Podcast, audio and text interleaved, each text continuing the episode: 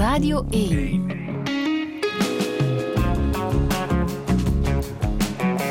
Douche. Met Friede Lesage.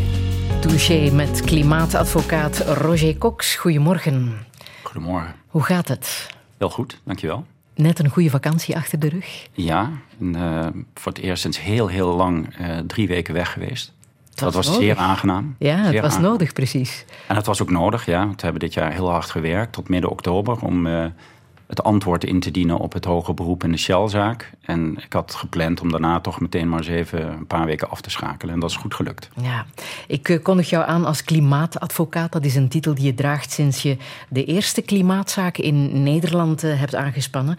Dat was voor eh, filmmaker Nick Balthazar een zeer goede reden om je te volgen voor zijn documentaire Duty of Care, die op dit moment te zien is op VRT Max en deze week alweer in de prijzen is gevallen. Volg je dat ook nog, het succes van de documentaire? Ja, ik, via Nick eh, krijg ik af en toe wel een berichtje dat, eh, dat hij weer in de prijzen gevallen is voor het een of ander. Ja. Maar wel belangrijk, denk ik, dat dat verhaal verteld wordt. Want zo weten mensen wat jij precies doet als eh, advocaat.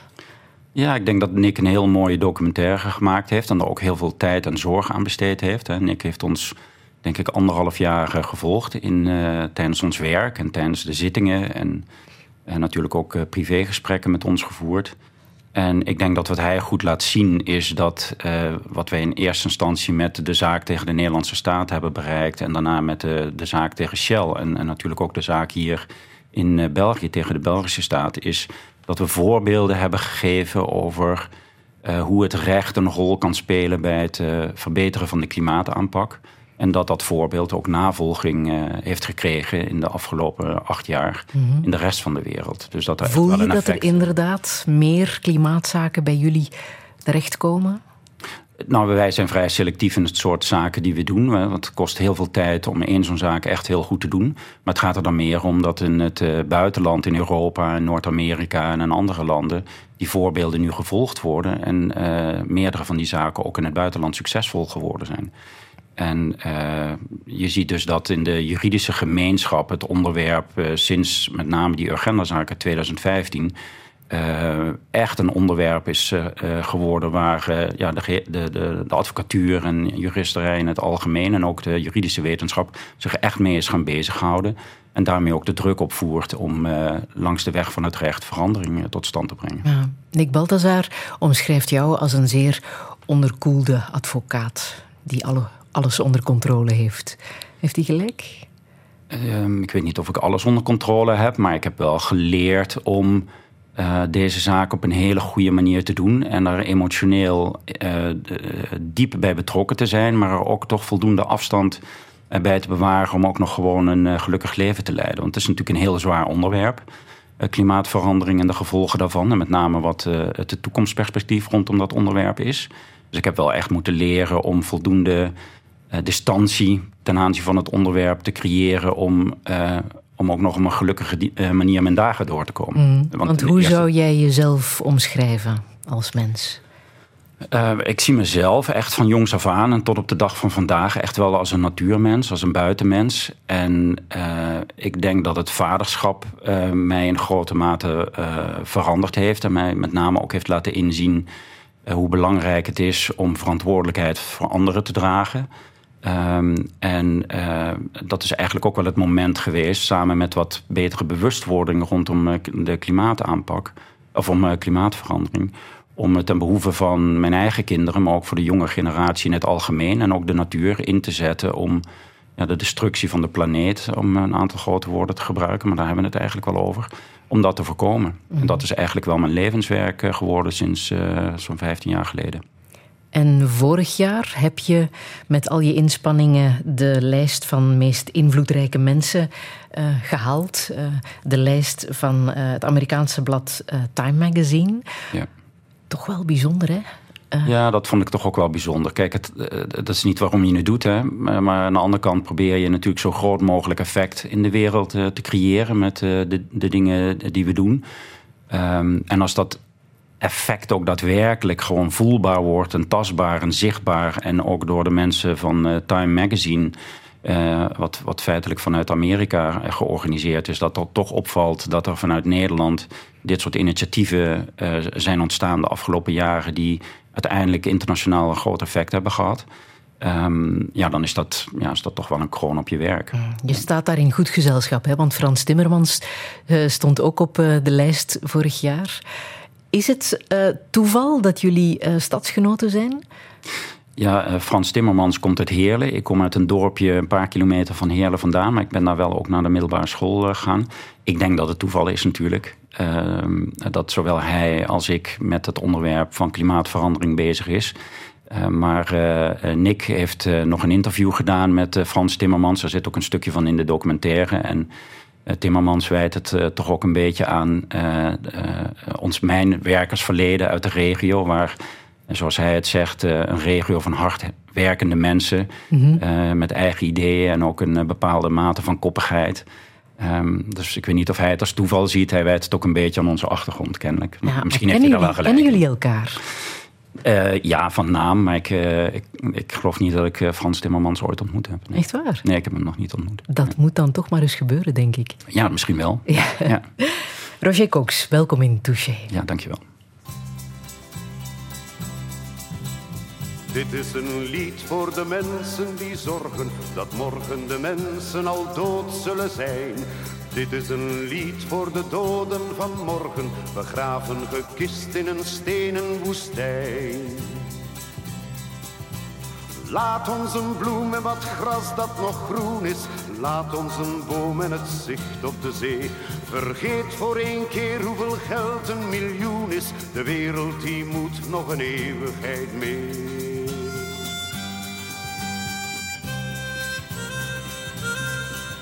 Je breekt en je hakt en je boort door de bergen. Je maakt elke heuvel gelijk met de grond.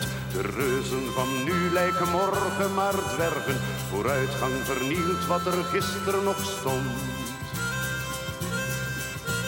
Laat ons een bloem en wat gras dat nog groen is. Laat ons een boom en het zicht op de zee. Vergeet voor één keer hoeveel geld een miljoen is. De wereld die moet nog een eeuwigheid mee.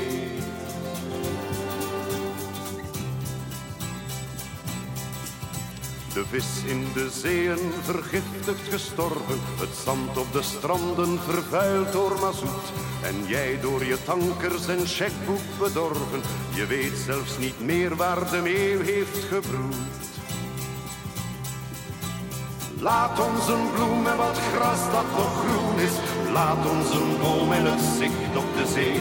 Vergeet voor één keer hoeveel geld een miljoen is. De wereld die moet nog een eeuwigheid mee.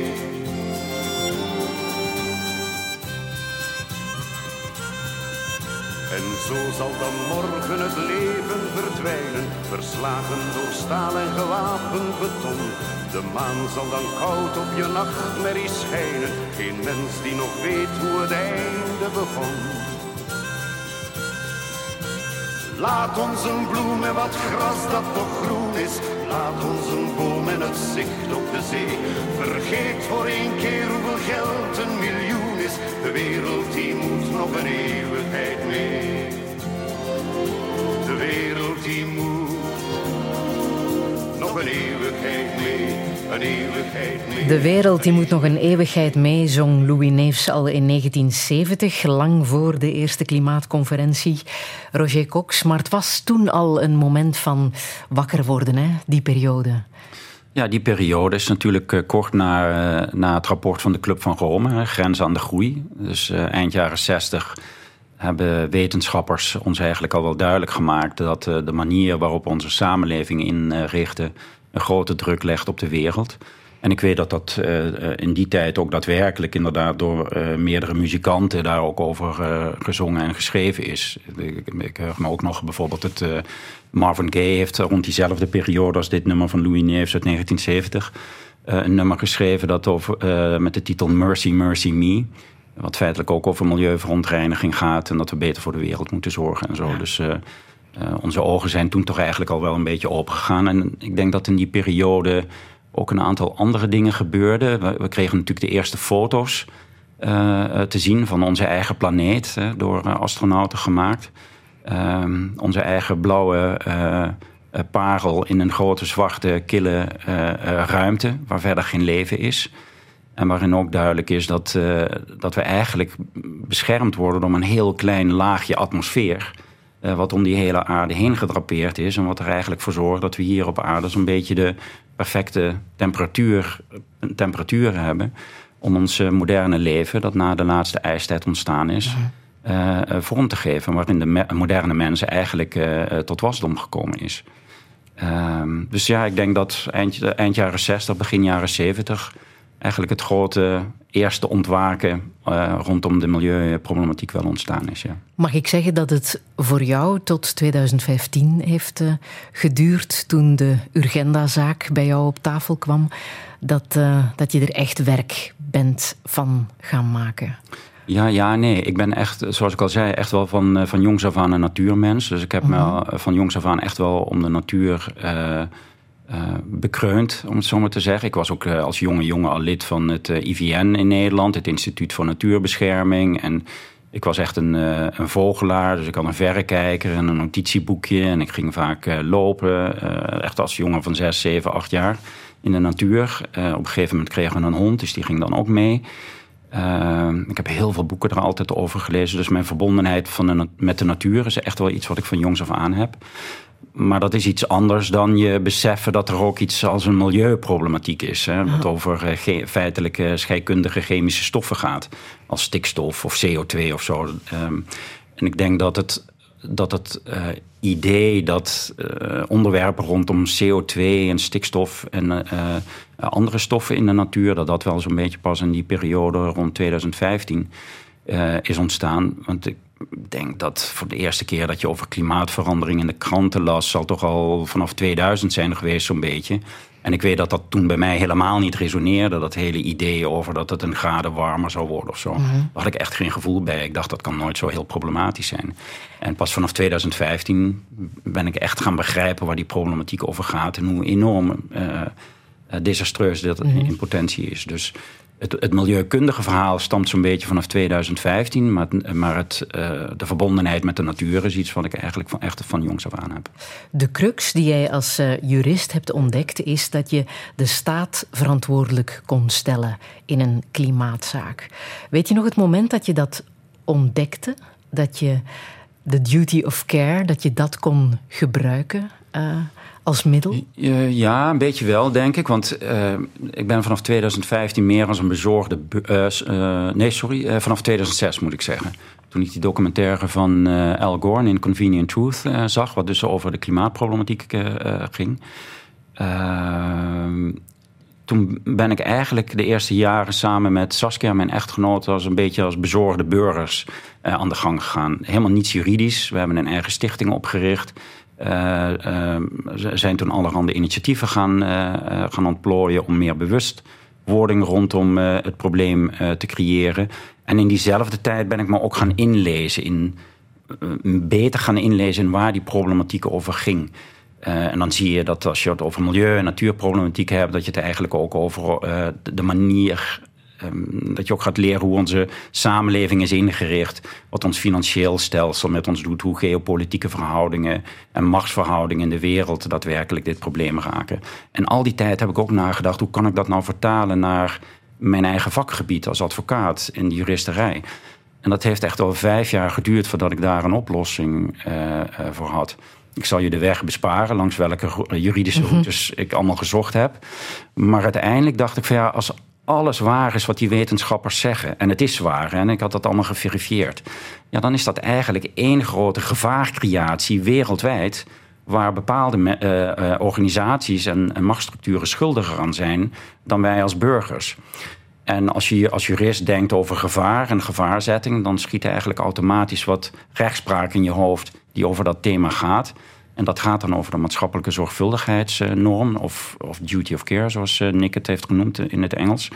Uh, en dat was dus eigenlijk het moment waarop ik dacht: hé, hey, het is eigenlijk, het gaat over gevaarzetting, het gaat over bepaalde jurisprudentie, die moeten we nu alleen breder trekken en zorgen dat daar ook het fenomeen van gevaar via klimaatverandering eh, ondergebracht kan worden. Ja, en dat is eigenlijk het startpunt geweest om daar een boek over te schrijven. En die zorgplicht of die duty of care, wat is dat precies? Wat houdt dat in? Ja, heel simpel gezegd is het eigenlijk een regel in de wet die zegt dat er zoiets, dat er zoiets is als een ongeschreven afspraak die tussen ons allemaal geldt. Dus namelijk dat je mag doen in je leven wat je wil, maar dat je geen gevaar voor anderen mag creëren uh, als je dat gevaar redelijkerwijs kunt voorkomen.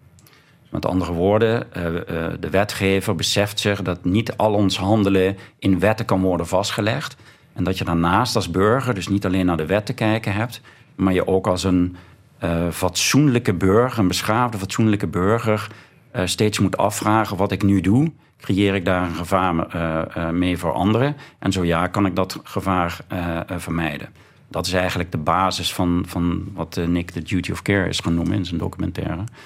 Uh, en wat in het Engels ook zo heet en wat bij ons de maatschappelijke zorgplicht heet. Mm -hmm. En welke opportuniteit zag je om de staat uh, in deze zaak te betrekken? Wat is het voordeel daarvan? Nou ja, de staat is eh, de organisatie. Alle nationale staten organiseren voor hun eigen uh, burgers natuurlijk dat het algemeen welzijn wordt gediend en dat het algemeen belang uh, wordt gediend. En daar bestaat ons sociaal contract ook uit. Hè. We geven de staat en onze overheid heel veel macht. Uh, zodat zij uh, uh, structuren kunnen creëren om ons in een vredige en veilige samenleving te laten leven. Maar als diezelfde staat weet dat er een enorm probleem op ons afkomt. Ook precies weet wat de oorzaak daarvan is. Ook precies weet wat de oplossing van die oorzaak is. Maar er vervolgens te weinig doet om die oplossing te genereren. En het gevolg daarvan is dat in de toekomst. En dat beginnen we nu al te merken. Maar in de toekomst er grote gevaren op ons afkomen. Ja, dan heeft diezelfde overheid ook een verplichting om te zorgen dat dat gevaar vermeden wordt. En, uh, en dat is dus eigenlijk het haakje geweest om, uh, om de Nederlandse overheid als eerste aansprakelijk te stellen. En daar ook de mensenrechten bij te betrekken. Want het gaat uiteindelijk ook, een veilig klimaat gaat ook over uh, ons recht op leven en ons recht op een ongestoord gezinsleven. En dat soort dingen meer. Dus dan, ja, dan krijgt het opeens een hele juridische lading. En, en wij hebben uiteindelijk de rechter gevraagd om, om te oordelen dat, dat ja, de, de Nederlandse staat, maar gelijk ook de Belgische staat een uh, juridische verplichting jegens zijn burgers heeft om dat -huh. gevaar mee te helpen voorkomen. En dus ja, het nodige te doen om een goed klimaatbeleid te voeren.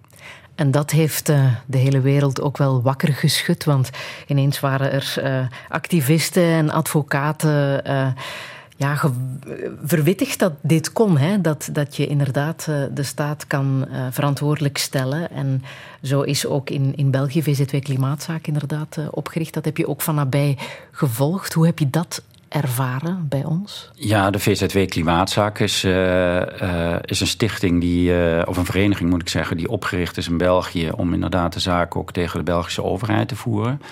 Die zaak wordt door twee Belgische advocaten grotendeels getrokken, die ik mag ondersteunen. En de Belgische advocaten zijn Carol Biet en Audrey Baaiens. Um, dus zij hebben eigenlijk altijd de lead gehad in dat, uh, in dat uh, traject. En ja, ik uh, ben als advocaat er ook bij betrokken, maar ik steun, ondersteun hun meer.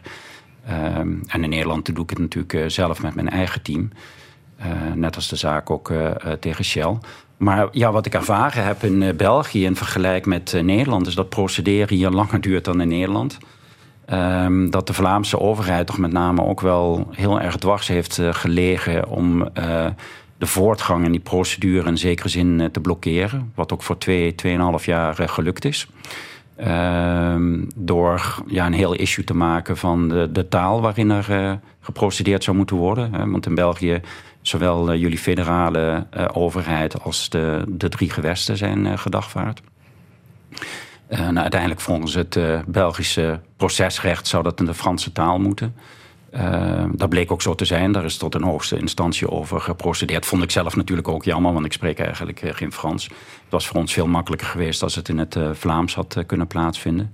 Maar dat kon helaas niet volgens de regels van het procesrecht. Maar ja, de Vlaamse overheid heeft toen 2,5 jaar lang geprobeerd om daar een heel issue van te maken. En dat er dan toch in het Vlaams geprocedeerd zou moeten worden, wat dus niet gelukt is. Maar daardoor hadden we wat, uh, wat langzame start.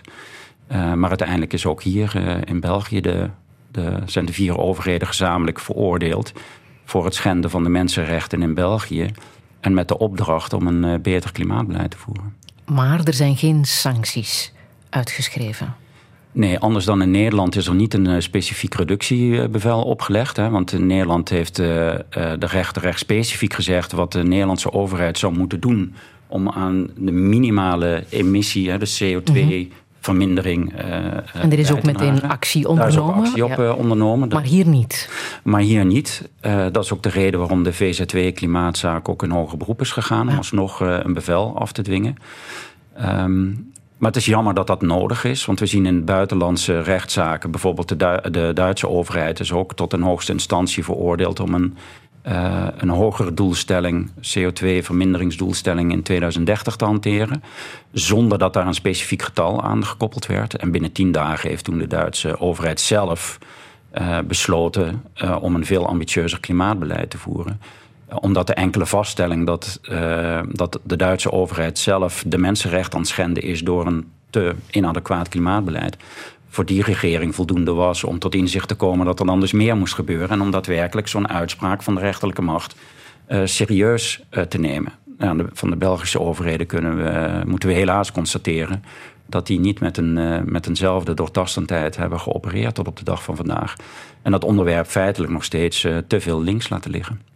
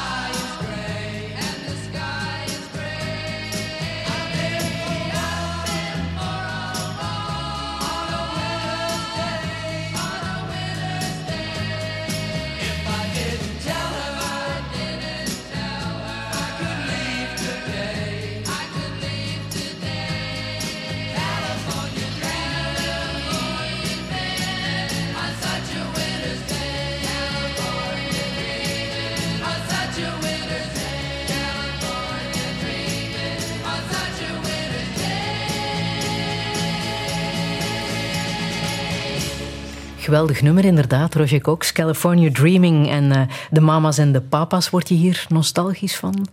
Ja, een beetje wel. Dit is, uh, dit is muziek die, uh, die ik natuurlijk in mijn echt vroege jeugd veel hoorde. Ehm, en dit, dit je stelt je ook alles bij voor, dat California Dream. toen ik zo'n beetje mijn vroege tienerjaren uh, aanbeland was. Toen, toen uh, speelde ik basketbal. Basketbal was, en is nog steeds, vind ik de leukste sport om naar te kijken. Dus dat volg ik ook, nog wel een beetje. Uh, en Amerika was natuurlijk het land waar de beste basketballers rondliepen. En um, ik, ik, luisterde best vaak naar de radio. En ik kom uit Voerendaal, zoals al gezegd, een, een dorpje bij Heerlen in de buurt, of dorp inmiddels. Um, en in Brunsum, niet veel verderop, zat een Amerikaanse legerbasis. Dus uh, je kon dan ook naar Amerikaanse radio luisteren. En dan hoorde je soms live verslag van uh, basketbalteams in Amerika. En een team wat toen gewoon een groot team was, was waren de Los Angeles Lakers. Waar ene Irvin Magic Johnson eh, speelde. Wat Mhm. een- ik zal niet in details, maar wat, wat gewoon de, de grote naam was eh, op, op dat moment in het Amerikaans basketbal. En ik weet dat ik dan uren gewoon naar die live verslagen zat te luisteren. En dat je niet zo liever zou willen dan dat je eh, die kant op zou kunnen gaan. Hè? Dat je naar eh, Los Angeles en naar Californië zou kunnen gaan. Dus dat doet dit nummer me, me wel een beetje En wat is er van die droom overgebleven? Eh, de, de droom om naar Californië te gaan? Ja, en om basketballer te worden? Nou, is heb, daar eh, iets van geworden? Nou, je ik heb het tot het eh, Zuid-Nederlands team eh, eh, eh, geschopt. Maar eh, eh, ik denk toen, toen, dat ik toen 15 eh, was, toen ik daar aanbelandde.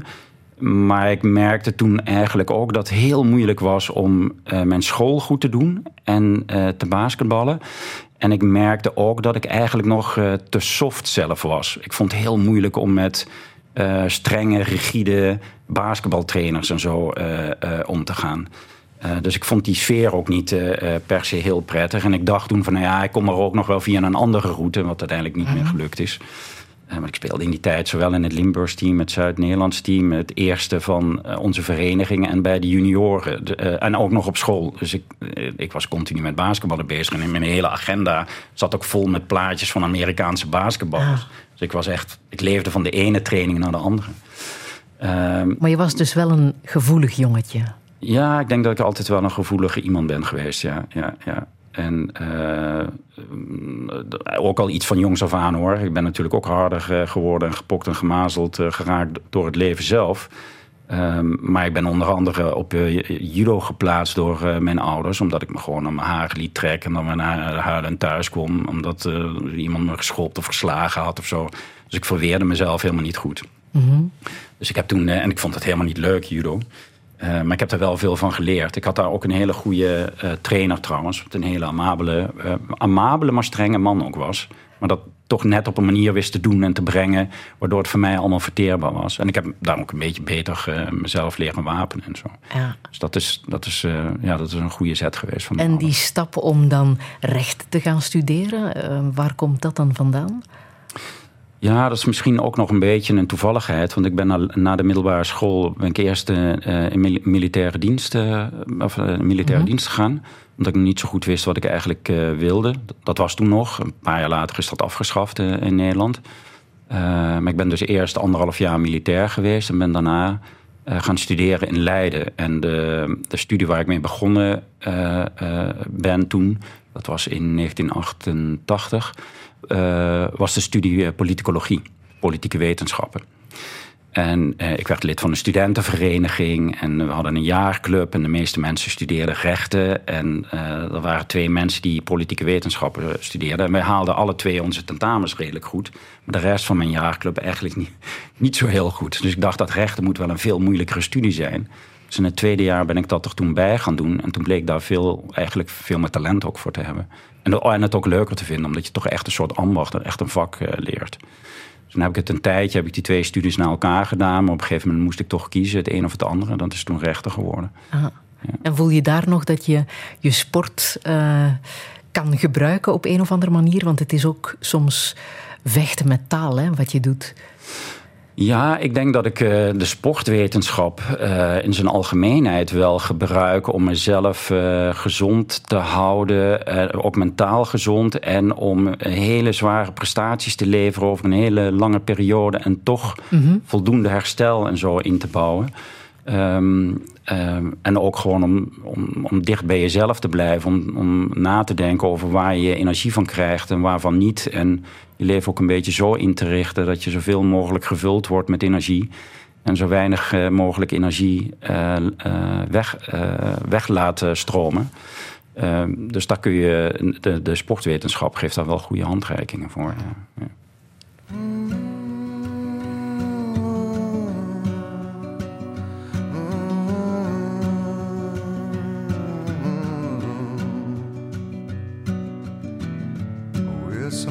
Mystery to me.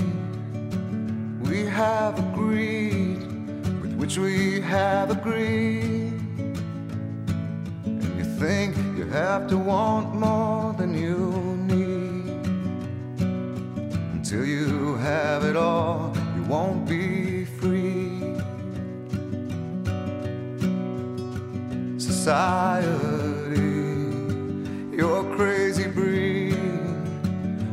you're not lonely without me.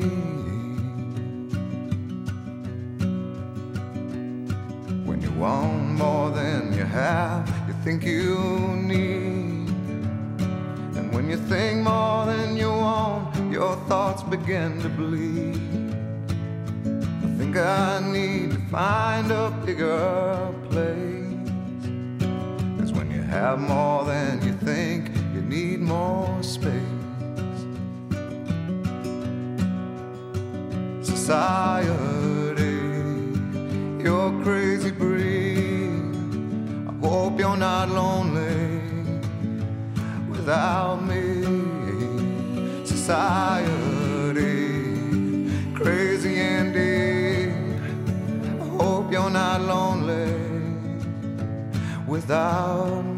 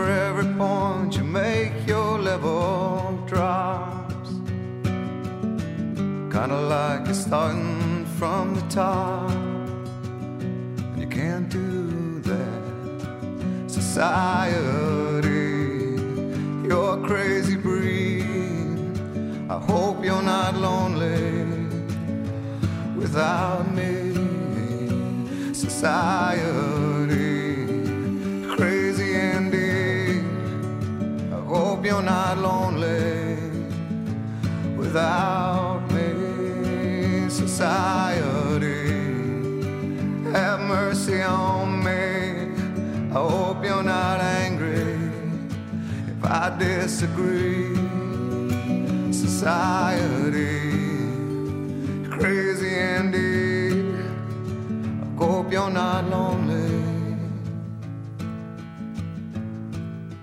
without me.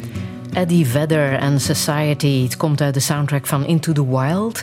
De film gebaseerd op het leven van Chris McCandless. De jonge man die begin jaren negentig probeerde te overleven in de Canadese, Canadese wildernis in een bus. Roger Cox, wat heb jij met dit verhaal? Ja, eh, Chris McCandless is inderdaad een uh, jonge man die na het uh, afstuderen aan de universiteit uh, zijn hele hebben en houden achtergelaten heeft. ook zijn ouders verder niet verwitterde en ook zijn zusje niet van, van zijn vertrek. Ehm, en uiteindelijk een soort reis wilde maken. En is eerst door Amerika gereisd en later in 1992 in, in Alaska aangekomen. Uh, en heeft toen een poging gedaan om met een rugzak en ik geloof vijf kilo rijst en een wapen en uh, uh, wat, wat, boeken. en ik geloof een gids over planten die je kon eten in die omgeving. Is hij de, de natuur van Alaska ingetrokken en heeft het daar ook een paar maanden uitgehouden. Maar is uiteindelijk heeft hij een fout gemaakt met het identificeren van bepaalde planten. En is dus eigenlijk vergiftigd. Tenminste, dat is de, de aanname. En is vervolgens in september van dat jaar dood uh, uh, gevonden door een aantal jagers. Um, en ik was in, datzelfde, in diezelfde zomer heb ik twee maanden door Alaska getrokken. en was in die periode, heb ik ook een week in die buurt waar hij vertoefde. Zo bleek achteraf gewandeld. Hoe groot was de kans dat je hem daar was tegengekomen? Heel klein, want Alaska is, ja. is, is buitengewoon groot en de natuur is daar gewoon werkelijk uh, overweldigend. Maar hoe kwam jij uh, daar terecht?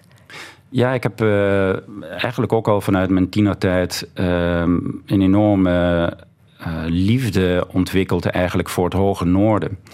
Dus de, de Siberische en Canadese en Alaskaanse wouden en uh, het, het, rijke natuurleven daar, uh, de, de, eenzaamheid die je daar nog kunt opzoeken. Het zijn eigenlijk delen van de wereld die nog uh, redelijk onaangetast zijn. Want je moet je voorstellen, Alaska is ongeveer 45 keer zo groot als Nederland. Dus nog veel, veel malen groter, zelfs dan België dan. Ehm, dus laten we zeggen 50 keer zo groot dan België. Daar wonen iets meer dan een half miljoen mensen. Drie kwart van dat land is gewoon geen infrastructuur. De hoofdstad kun je daar alleen maar bereiken met boot of met vliegtuig. Uh, en het, het barst daar nog gewoon van, uh, van het, uh, ja, het wildlife, mm -hmm. beren, wolven, elanden. En dat heeft me altijd heel erg aangetrokken. Dus toen ik eenmaal als student de gelegenheid kreeg om die kant een keer op te gaan, samen met mijn toenmalige vriendin. Ja, toen heb ik die kans ook te baat genomen en zijn we daar twee, twee maanden gaan rondtrekken. Maar zou jij het kunnen, je helemaal onttrekken aan de consumptiemaatschappij en, en leven in de wildernis? Um, geen idee of ik het uh, zou kunnen voor, hele, uh, voor een veel langere tijd. Maar ik, het is zeker nog wel iets wat op mijn, mijn bucketlist staat. om toch, toch, een keer te proberen om een wat langere tijd geïsoleerd te leven. Ja. ja. Want ehm, dat is wel iets wat jou als advocaat ook wel bezighoudt. Hè? Die consumptiemaatschappij, die stel je ook in vraag. Bijvoorbeeld in de zaak Shell. Um, is uh, dat toch ook wel um, na de winst in uh, de Urgenda-zaak uh, iets wat jou ja, bijzonder heeft beziggehouden natuurlijk, hè, die zaak tegen Shell. Ja. Um, wat daarin bijzonder is, is dat jij getrouwd bent ondertussen met een dochter van een een Shell-ingenieur. Een Shell-ingenieur, ja. ja, Ik kon, niet op het, op het woord komen. Ja. Um, dat je daar eigenlijk heel erg nauw mee verbonden bent. Met? Via de familie. Ah, zo. Met ja, ja, het Shell-verhaal. Ja, ja, mijn, mijn schoonouders zijn na de, na de oorlog, na de Tweede Wereldoorlog, zijn toen gaan studeren. En mijn schoonvader, die inmiddels al een jaar of vijf, zes geleden overleden is... Heeft vervolgens zijn hele werkende leven voor eh, Shell gewerkt. Overal in de, in de wereld. Is begin, ja, ik geloof in 1990 al met pensioen gegaan. Ehm, maar ja, hoe heet het, dat gezin is gewoon groot geworden in, in de Shell-familie. En heeft daar ook een heel gelukkig leven, een interessant leven geleid. Um, en zo'n beetje in diezelfde jaren negentig, toen, toen mijn schoonvader dus al met pensioen was... Toen is ook de bewustwording binnen Shell ontstaan dat dat klimaatprobleem eigenlijk wel echt een probleem was en dat er wat aan gedaan moest worden. daar heeft Shell toen ook eigenlijk wel eerste stappen in gezet door ook een duurzame energietak en zo te gaan opbouwen. En vanaf de jaren nul, zo'n beetje, vanaf 2005, 2006, hebben die het roer weer helemaal omgegooid en zijn gewoon echt een puur hardcore um, we hebben toen het beleid aangenomen om echt een hardcore fossiel bedrijf eh, te blijven. En ook gewoon te gaan investeren in uh, hele nog onduurzamere fossiele brandstoffen... zoals teerzanden en schalieolie en schaliegas en zo. En dat is uiteindelijk wat wij die organisatie ook zijn gaan verwijten. Dus dat ze uh, met het besef wat ze al in de jaren negentig hadden... en de eerste fatsoenlijke en goede stappen die ze in de jaren negentig gezet hebben uh, vervolgens toch weer radicaal de verkeerde koers zijn gaan maken. en wanneer heb je beslist om tegen Shell een, een, zaak aan te spannen? Want dat lijkt me toch niet zo evident als je familie daarmee verbonden is. Ja, ik denk dat we, dat moet ik ook zeggen, dat ook mijn schoonfamilie die dingen toch wel redelijk goed van elkaar heeft kunnen los, loskoppelen. En zoals je ook in de documentaire hebt kunnen zien van Nick, ook mijn schoonmoeder komt daar aan het woord en die, die snapt ook precies waarom we doen wat we doen. Uh, en vindt het ook goed dat we dat doen. Hij zegt van ja, wij wisten dat in die tijd niet. Maar nu we het allemaal wel weten, is het ook belangrijk dat er een andere koers uh, gevaren wordt. Natuurlijk bij het, bij het ontwikkelen van die zaak, want dat is eigenlijk een, een samenspraak met Milieudefensie, hebben we die zaak ontwikkeld vanaf, nou ja, ik denk 2016, toen we net de agendazaak hadden gewonnen. Natuurlijk denk je er wel even over na dat ook je schoonfamilie um, die achtergrond heeft. En dus hele nauwe connecties ook heeft met, met heel veel mensen die diezelfde achtergrond hebben. Maar dat is toch nooit een probleem geweest. Dus... Mm. Jouw schoonmoeder was inderdaad ook heel gelukkig met de positieve uitspraken. Ja, ja, ja, ja, vanzelf. Dan wil ik even laten horen wat ze toen zei. Niemand trotser dan wij natuurlijk hè, op jullie, want je hebt er zoveel offers voor gebracht. En dan maar hopen dat de oudere mensen zich daarin kunnen vinden. Ja. En dat is best lastig, want er zijn natuurlijk veel oudere mensen die zeggen... nou, het zal wel, het zal mijn tijd wel uitduren. Ja. En er zijn natuurlijk rampen overal, dus ook met het weer. Het is zo evident dat het allemaal aan het veranderen is. Dat kan je gewoon niet ontkennen, ook al zou je het nog zo graag willen. Touché. Je zei zelf bij de positieve uitspraak tegen Shell, allicht is dit de belangrijkste uitspraak van de voorbije 50 jaar. Want uh, het is natuurlijk een, president, een precedent ook hè, voor de bedrijfswereld uh, met uh, verregaande gevolgen. Het is een hele grote uitspraak, omdat. Kijk, grote bedrijven hebben een enorme machtspositie in de samenleving, zowel economisch als financieel en, en ook politiek. Uh, dus grote internationale bedrijven zijn door nationale landen ook heel mo moeilijk te reguleren, omdat ze ook de druk op uh, regeringen kunnen uitoefenen. Dat als ze ik zal het maar gemakshalve uh, zeggen, als ze hun zin niet krijgen, dat ze dan naar het buitenland vertrekken. Dus ze hebben enorm veel mogelijkheden om druk op overheden uit te oefenen. En dat weten ze zelf ook. Hè. Dus er zijn als gevolg van wat dan in, juridische termen de governance gap heet, dus het soort van de kloof, de regelgevende kloof tussen nationaal georganiseerde staten en internationaal opererende bedrijven. Uh, bedrijven weten heel goed dat omdat ze zo slecht te reguleren zijn, dat ze eigenlijk aan zelfregulatie moeten doen. Uh, en dat ze dus eigenlijk zelf moeten zorg dragen dat ze zich aan de wet houden, maar ook aan de geest van de wet. En dus ook die maatschappelijke zorgverplichting, die duty of care naleven. En zelf ook oog blijven houden voor uh, het beschermen van de mensenrechten omdat zij daar gewoon een enorme impact op hebben. En wat die Shell-zaak heeft laten zien is dat die verplichtingen er inderdaad zijn en dat die ook juridisch afdwingbaar zijn.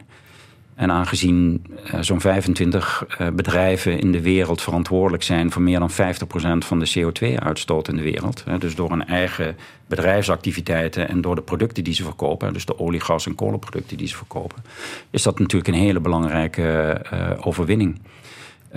waar we ook op hopen door te bouwen. En dus daarom is het een hele belangrijke zaak. Maar die zaak was natuurlijk nooit mogelijk geweest als niet de eerste agendazaak tegen de Nederlandse staat gewonnen was. Hè. Want daar hebben we vervolgens weer op door kunnen bouwen. En die zaak uh, tegen Shell is weer een zaak die, waarop we weer door kunnen bouwen richting andere sectoren. En dat betekent inderdaad die andere sectoren, een financiële sector, verzekeringsmaatschappijen, ja. die, die zich terugtrekken, die uiteraard zich daar niet meer willen aan, aan verbinden.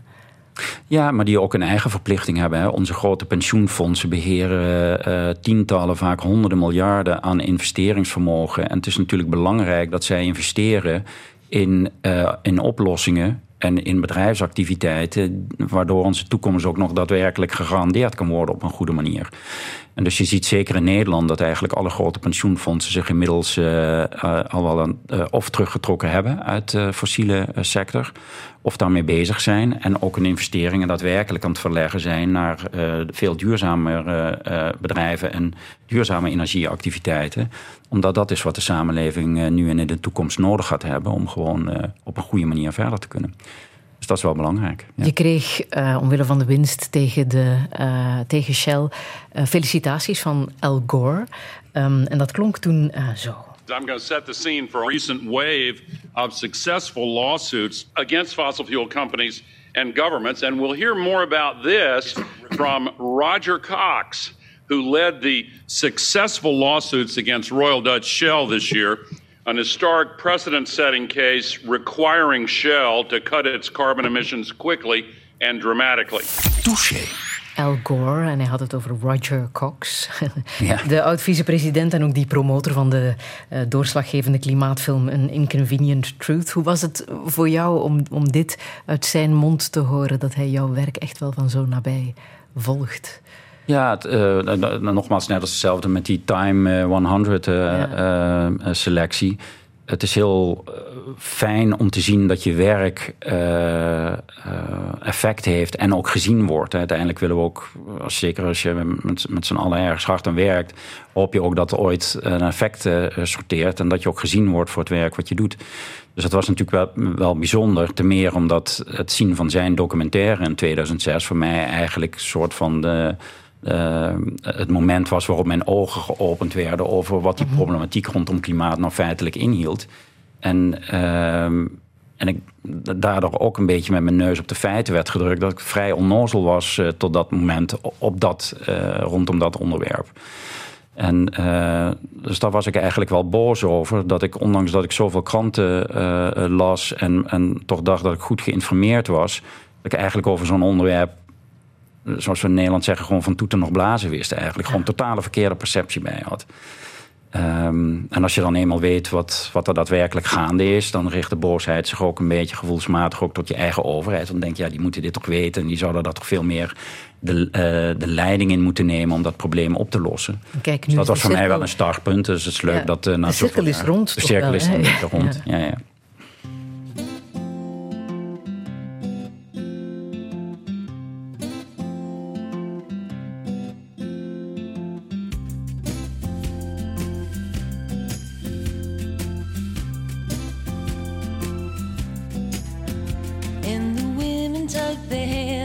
They're trying to prove it won't fall out.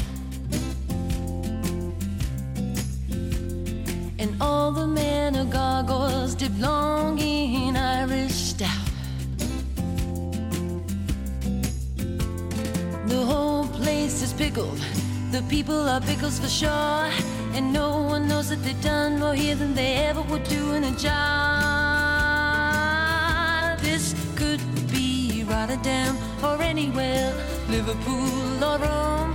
Cause Rotterdam is anywhere, anywhere alone. Anywhere alone.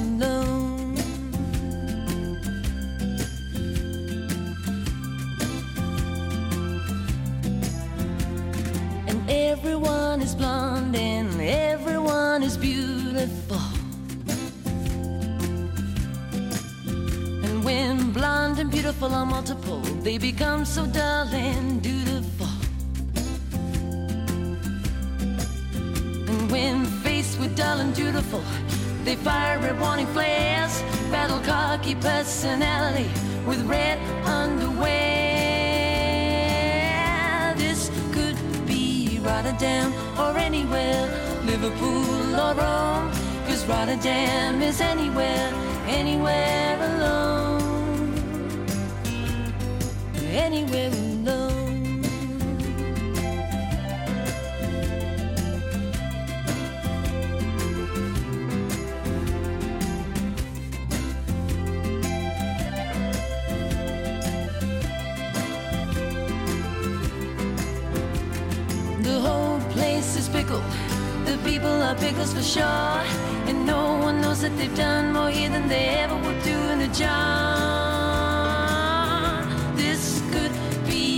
Rotterdam or anywhere, Liverpool or Rome. Cause Rotterdam is anywhere, anywhere alone. This could be Rotterdam or anywhere, Liverpool or Rome. Cause Rotterdam is anywhere, anywhere alone. Anywhere alone.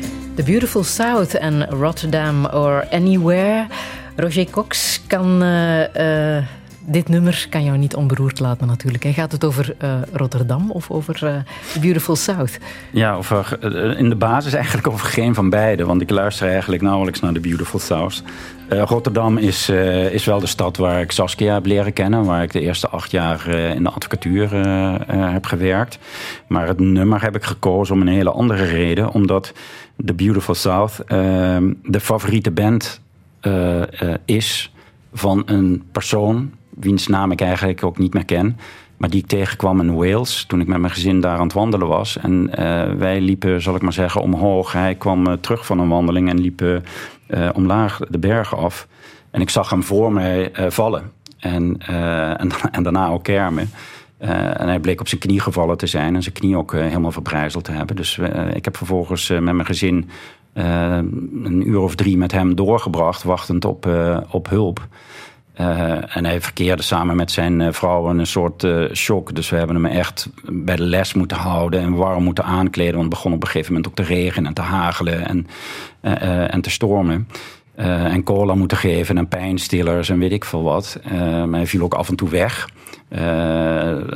Dan 10, 15 seconden daarna werd hij weer wakker. En om hem ook een beetje bij de les te houden, zijn we toen een gesprek met hem aangegaan. En uh, op een of andere manier kwamen we op uh, Rotterdam en op muziek en zo uit. Dus hij begon me toen te vertellen dat dit zijn favoriete band was. En ja, zo hebben we hem een beetje aan de praat gehouden. En, uh, en na, na, een uur of drie, ja. ja. dat heb ik heel erg onthouden. Ik weet gewoon niet meer hoe die man heet, want je gaat ook geen foto's maken en ook geen, ja, dat is geen namen niet aan de orde natuurlijk. Want zodra, dat ja. is op zo'n moment totaal niet aan de orde. En zodra de, de hulpdiensten uh, kwamen, uiteindelijk met een helikopter, uh, maar die, die hulpdiensten waren ergens anders ook al opgeroepen. Dus daarom duurde het allemaal zo lang.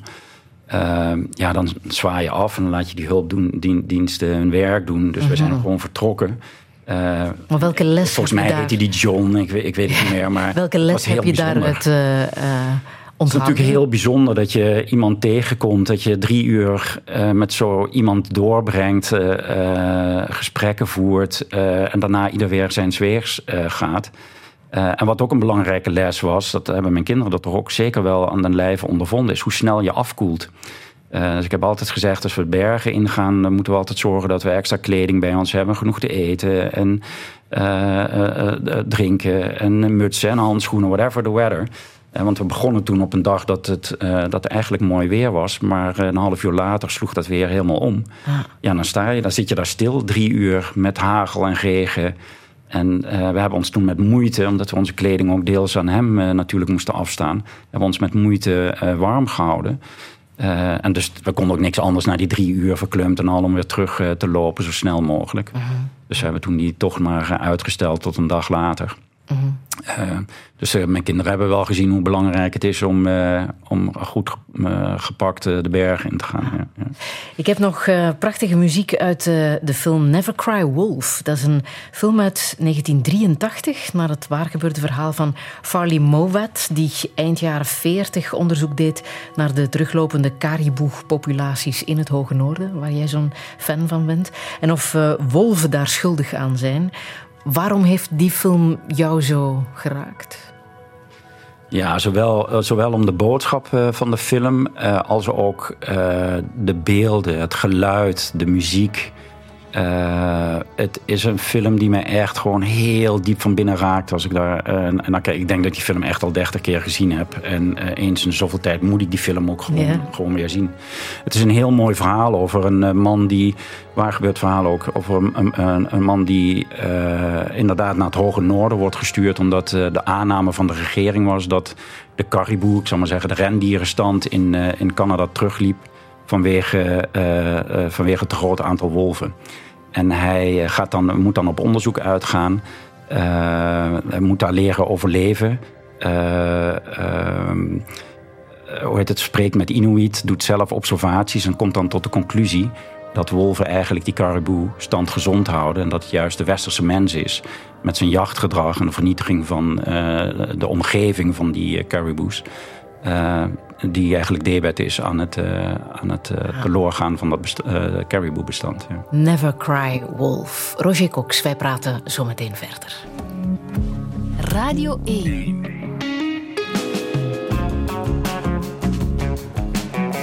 Douche. Friede Lesage. Touché met klimaatadvocaat Roger Cox. Toen hij rechten ging studeren en in het huwelijk trad met de dochter van een ingenieur bij oliemaatschappij Shell, deed niets vermoeden dat hij ooit de eerste klimaatzaak ter wereld zou winnen. Via het principe van de wettelijke zorgplicht, de duty of care, slaagde hij erin de Nederlandse staat aan te klagen. Want niemand heeft het recht om mensen bewust in gevaar te brengen. Maar hoe moet het verder? Kunnen rechtszaken de wereld redden? Komt er ooit een klimaatrechtbank? En hoe ziet hij de toekomst? Dit is Touché met Roger Cox. Goedemiddag.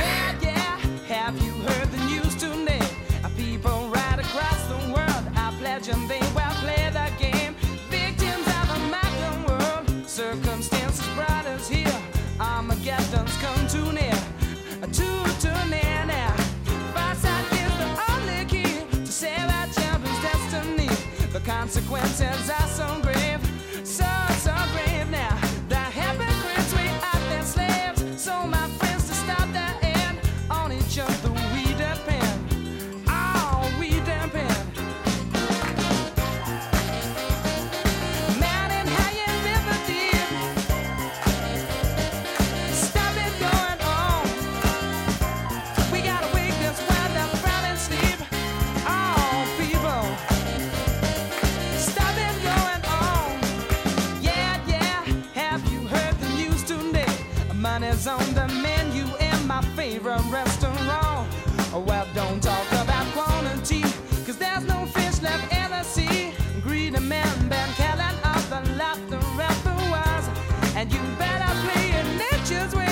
She won't take it all away. And don't try and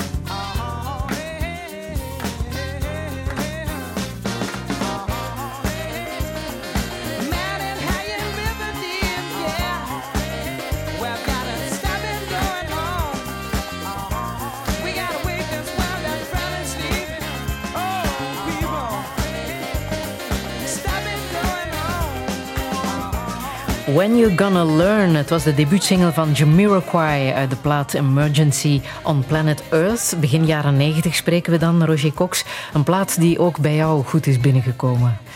Ja, ja, zeker. En die ook nog wel. eh, eh, het is A, een heel goed nummer. Eh, de tekst is heel erg strak. Het swingt ook nog. Dus Ja. dat hel- helpt natuurlijk ook. Hoewel het een... Ja, Het, gaat over een heel serieus onderwerp eh, eh, natuurlijk. Ik, ik, eh, ik heb er niet over gelezen of dat daadwerkelijk zijn connectie is. Maar het nummer is uitgebracht in 1993. En hij verwijst eigenlijk naar, in mijn beleving, naar de, de, de VN-conferentie van het jaar daarvoor, 1992. De VN-conferentie over natuur en milieuontwikkeling. Ehm, en waar ook het VN-klimaatverdrag in 1992 tot stand gekomen is. En dat verdrag is een heel belangrijk eh, thema in onze, in onze rechtszaken. En je ziet dat, eh, we hadden het eh, daar straks al over Louis Neefs en over eh, eh, Marvin Gaye. In de jaren 70 al bewust over deze milieuproblematiek. En in de jaren 80, begin jaren 90 eh, zijn heel veel artiesten over dit onderwerp gaan zingen. Ja. En hij is er één van. Ja. We zijn ondertussen 30 jaar later en 27 klimaatconferenties eh, later. Vannacht hebben ze een akkoord bereikt in Sharm el-Sheikh op de 27e kop. Er komt een ehm, schadefonds waar arme landen terecht kunnen die eh, getroffen worden door klimaatrampen, maar geen uitstap uit fossiele brandstoffen. Hoe komt dat bij jou aan? Ja, eh, eh, belangrijk is om te beseffen dat we inderdaad al 30 jaar eh, met dit onderwerp bezig zijn. Hè? En dat in dat VN-klimaatverdrag in 1992, dus 30 jaar geleden, al heel duidelijk is opgeschreven dat eh, de ontwikkelde landen, de westerse wereld, eigenlijk verantwoordelijk is voor dat hele klimaatprobleem. Dat wij onze welvaart en rijkdom eigenlijk ook te danken hebben aan het gebruik van eh, eh, fossiele brandstoffen. Dat wij de kennis en de kunde hebben om het probleem eh, op te lossen. En dat wij als landen, westerse landen, dus ook de, de leiding moeten nemen in het adresseren van dat probleem. En daar de ontwikkelingslanden bij moeten ontzien. En zelfs moeten ondersteunen in eh, de dreiging die op hen afkomt.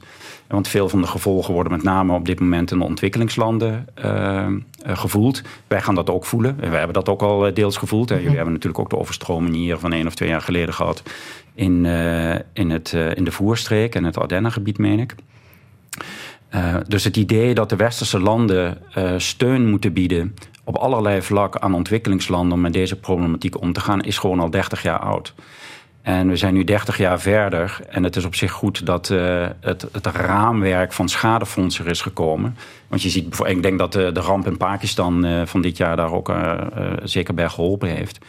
een heel triest geval, hè, want dat land is voor een derde onderge, ondergelopen door hevige regenval, wat aan klimaatverandering wordt toegeschreven. Uh, er zijn 3 miljoen, uh, miljoen, mensen daar rondheen. Er is 2 miljoen uh, hectare aan landbouwgrond ondergelopen. Dus ja, we, hebben, we kunnen ons daar geen voorstelling van maken eigenlijk... wat dat betekent voor, een, voor zo'n land. Um, dus dat wij de portemonnee zullen moeten gaan trekken aan de ene kant om die, om die ontwikkelingslanden te gaan ondersteunen en die schade die zij lijden om die te proberen te compenseren. Dat is een heel belangrijk fenomeen en een, een duidelijke uh, uitvloeisel van wat ook onze afspraken al 30 jaar uh, zijn. Maar tegelijkertijd falen we ook bij het invullen van die verplichting. En we falen ook bij het maken van, van echte harde afspraken om de, de universele doelstelling die we onszelf gesteld hebben als uh, landen bij elkaar, namelijk om de opwarming tot anderhalve graden te beperken. ja, de afspraken die gemaakt zijn en ook nu weer gemaakt zijn, zijn volstrekt onvoldoende om dat, dat universele doel te halen. En hoe komt dat dat ze daar maar niet in slagen om die oorzaak harder aan te pakken? Het, is, uh, uh, het, is een, uh, het zijn heel veel oorzaken. Maar het hangt onder andere mee dat het voor politiek vaak moeilijk is om mensen duidelijk te maken. Omdat het een. kijk, met corona besefte iedereen heel duidelijk wat het probleem was. Want mensen werden ziek en mensen gingen dood enzovoort. En dan komt het heel dichtbij. Dat klimaatprobleem is eigenlijk een heel langzaam probleem. Dus de CO2 die we nu uitstoten, creëert eigenlijk pas het echte opwarmend effect in, in, in 30, 40 jaar daarna. Uh, dus je moet nu handelen om in de toekomst iets uh, te vermijden. En dat is politiek, vindt dat kennelijk heel lastig om uh, te verkopen. ja, als je in je thuisland het moeilijk kunt verkopen en, op, het, en, ook nog eens onder druk gesteld wordt van het grote bedrijfsleven, want dat gebeurt natuurlijk ook overal ja, dan is het soms eh, heel moeilijk om tot eh, afspraken te maken. En als mensen een koek moeten verdelen met elkaar, iedereen probeert er zo gunstig mogelijk uit te komen. Hè. Dus als je met 200 landen moet onderhandelen over wie wat gaat doen, ja, iedereen probeert uh, gewoon een minimumleier over het algemeen te zijn. Uh, en zo weinig mogelijk te doen en de ander zoveel mogelijk te laten doen. Dus dat maakt het allemaal een, een heel lastig onderhandelingsspel. Maar wil dat ook zeggen dat die, hoeveel zijn het er, 2000 klimaatzaken die ondertussen zijn aangegaan tegen uh, staten over de hele wereld, dat dat eigenlijk niet zo heel veel uithaalt? Nou ja, die zaken worden belangrijker dan ooit. Kijk, uh, het effect wat wij creëren is natuurlijk ook een effect wat langzaam door de samenleving heen gevoeld moet worden. Dus je ziet dat de juridische gemeenschap uh, verandert. Je ziet dat uh, in Nederland de aanpak van het klimaatprobleem veranderd is. En de discussie daar ook over veranderd is. Uh, we zullen, hopelijk gaan we dat hoger beroep ook winnen tegen de Shell-zaak. En dan zal de druk toch echt heel hoog worden voor dat bedrijf om ook echt verandering te bewerkstelligen. We hadden het er al over. Je ziet pensioenfondsen die zich nu op een andere manier gaan gedragen en anders gaan investeren. Dus het kost wel tijd. Uh, maar rechtszaken helpen natuurlijk uh, wel de goede richting uh, op te sturen. Maar, maar rechtszaken een, alleen gaan het natuurlijk ook niet redden. We moeten die ook een, een, versnelling hoger schakelen? Zou een, een internationaal klimaathof of een, een klimaatrechtbank iets kunnen betekenen? Ja, als je het over een internationaal gerechtshof hebt, dat is dan waarschijnlijk waar je aan refereert, dan heb je het al, al vrij snel over een internationaal strafrechtelijke component. Um, ja, ik wil daar eigenlijk. Ik hoop dat we dat punt gewoon niet bereiken. Dat we daarover na mm. uh, uh, hoeven te denken. Wat wij willen en wat we met die rechtszaken beogen, is gewoon om nog tijdige veranderingen in gang te zetten. Uh, daar helpt het bij, maar het is zeker niet alleen voldoende. We zullen ook als burgers meer betrokken moeten raken bij dat onderwerp. Uh, onze jongeren doen dat gelukkig inmiddels ook. Hè. Uh, laten ook een stem horen, gaan ook de straat op. Laten weten hoe belangrijk het is eh, voor hun toekomst dat wij als generatie die nu aan de knoppen draait, uh, daadwerkelijk uh, verandering in gang zetten. Laten zich ook horen op dit soort VN-klimaatconferenties.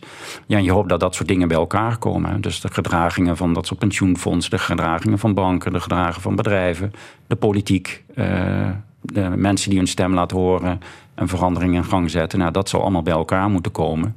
En tot een soort uh, ja, versnelling en dynamiek moeten leiden... die ons nog hopelijk de goede kant op stuurt. Maar de gevoelens bij de verschillende generaties zijn heel verschillend. Hè? De jongeren zijn heel gefrustreerd... terwijl de oudere generatie misschien denkt...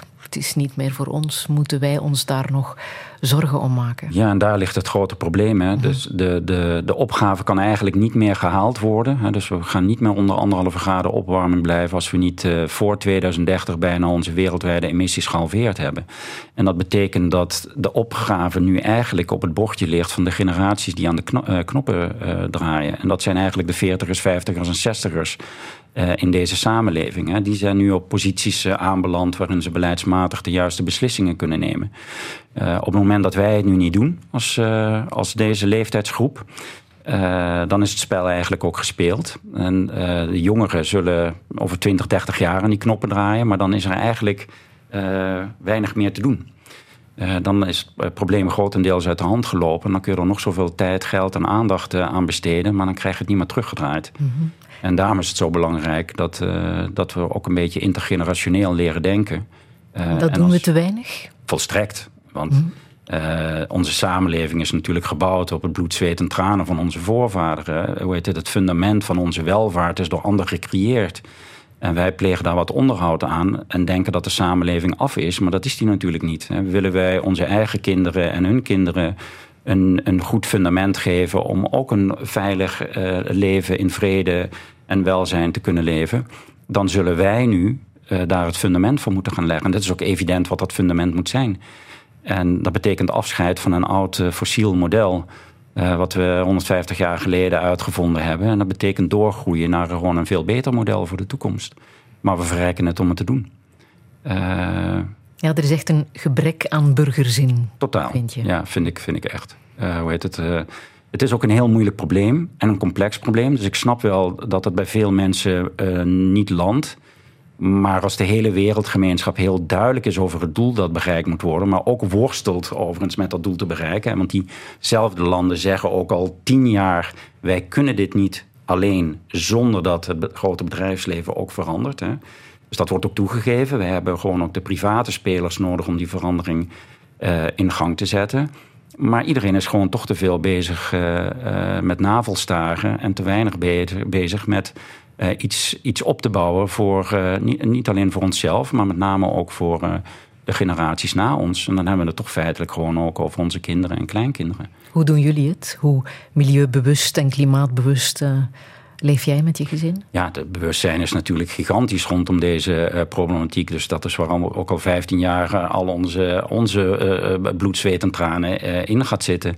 En je probeert je eigen leven natuurlijk ook te veranderen. Dus wij zijn veganisten geworden.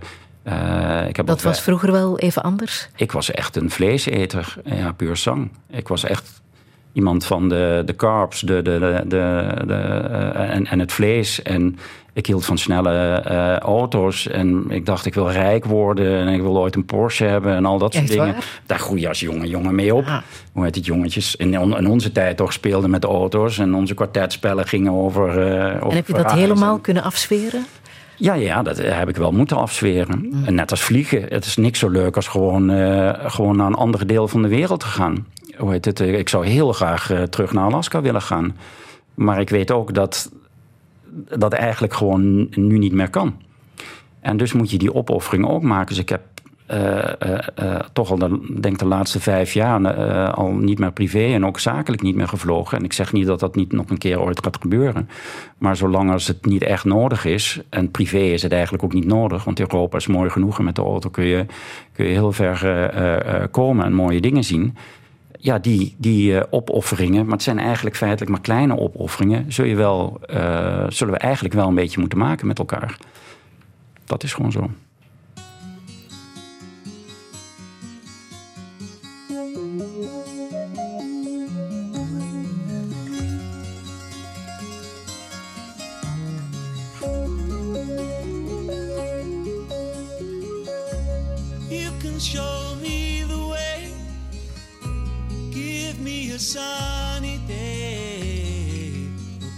Does it mean without your love? And if I could travel far, if I could touch the stars, where would I be without your love?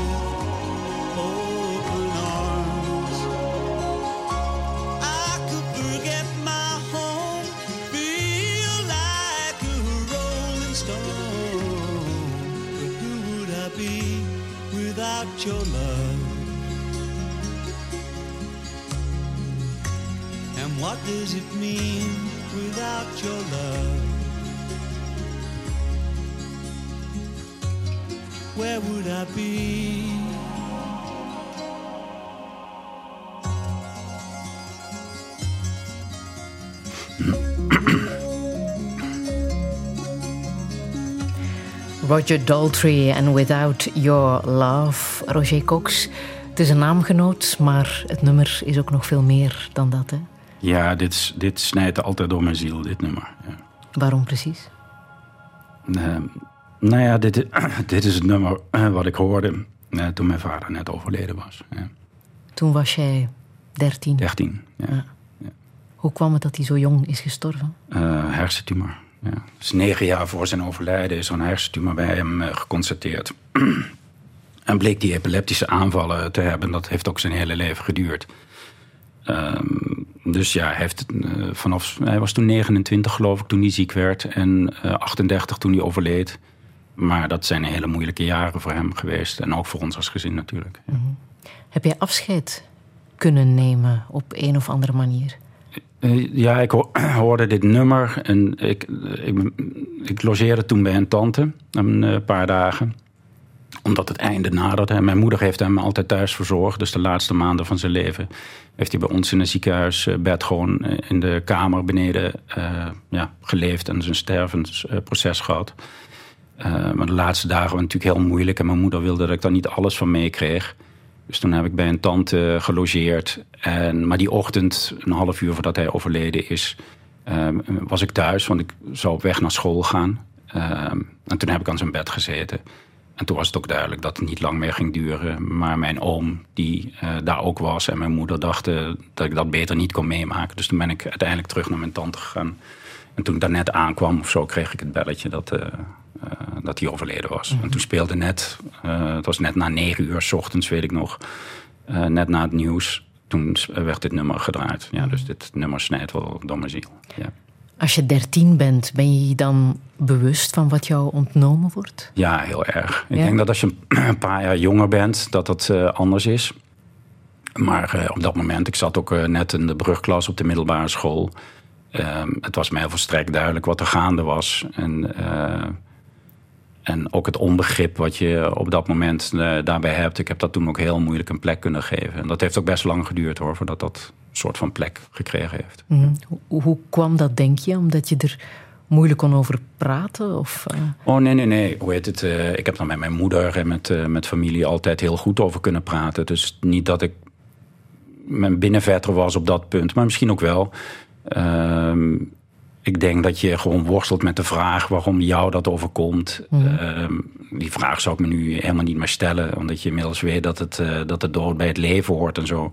Maar als 13-jarige denk je nog dat dat. eh, je vraagt je gewoon af waarom zo'n goed mens eh, zo'n ziektebed heeft moeten hebben. En feitelijk verwoorden is tot een kasplantje. Want hij kon ook echt helemaal niets meer. Al heel lang niet meer spreken. Zichzelf ook niet meer omdraaien.